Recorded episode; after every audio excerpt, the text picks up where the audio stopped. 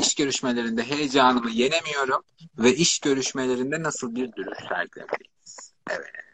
Bir, bir, bu arada birçok psikolog şimdi psikoloji okumak isteyen insan arkadaşlar, insanlar ve arkadaşlar için de söylüyorum. Çünkü insan olmayan arkadaşlarımız da var kediler, köpekler gibi. Ama insanların sorusu olduğu için onlara cevap veriyorum.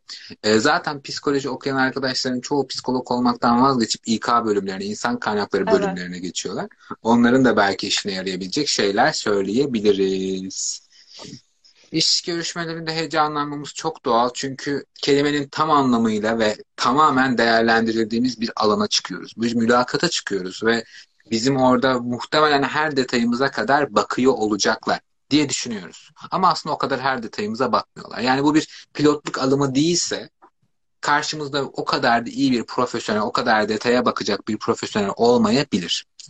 Bir kere bu konuda kendimizi rahatlatabiliriz. Muhtemelen kendimizle ilgili fark ettiğimiz birçok detayı karşımızdaki anlamayacaktır.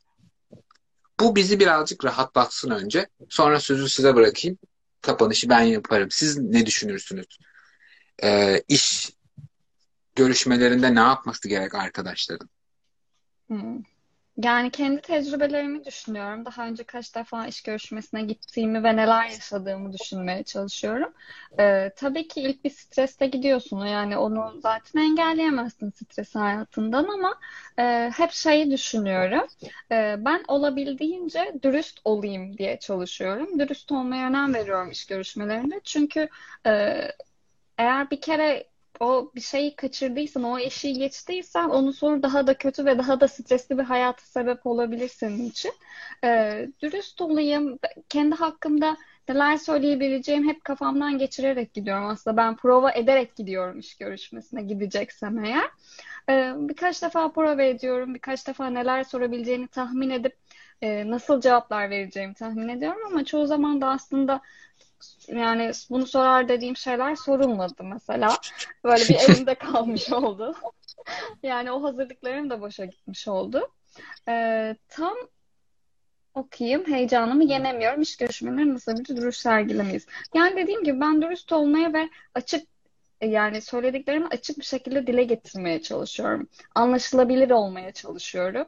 Ee, mümkün olduğunca kafasını karıştırmayayım. Çünkü yani şey düşünüyorum. Ben onun kafasını karıştırırsam o da benimkini karıştırabilir çünkü anlamadığı için başka detay sorular sorar diye. Ee, başka ekleyeceğim bir şey yok sanırım. Tolga sen ne düşünüyorsun? Işığım da çok kötü. Ben de iletişim kanallarını tutmak gerektiğini düşünüyorum. Hani soru sormaktan çekinmemek lazım. Karşıdakinin de e, bir işte çalışan biri olduğunu unutmamak lazım. O da aslında e, sizle mülakata giriyor farkında olmadan. E, siz de soru sorabilirsiniz. Siz de ondan evet. gerekli cevaplar alabilirsiniz. Hani işe alınacak olan sizsiniz diye işle ilgili tercih yapan tek kişi karşı taraf değil.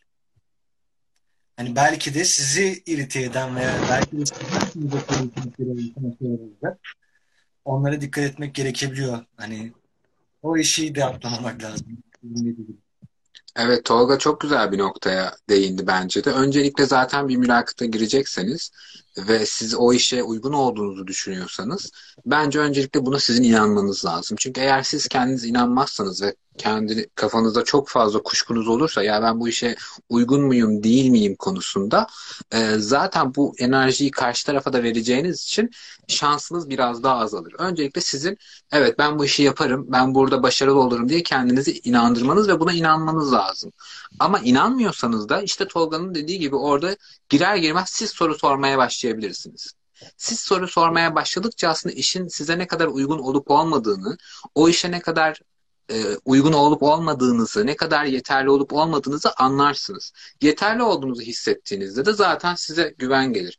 Hissetmezseniz bu iş bana uygun değilmiş derseniz de mülakatın içinde o zaman da zaten bana uygun olmadığını anladım. O zaman o size bir rahatlık verir ve e, tamam zaten bana da uygun değilmiş deyip devam etmek sizlerin için de bir sorun olmaz. Ama öncelikli olarak kendinizin e, o işe uygun olup olmadığınız konusunda kendinize sorun.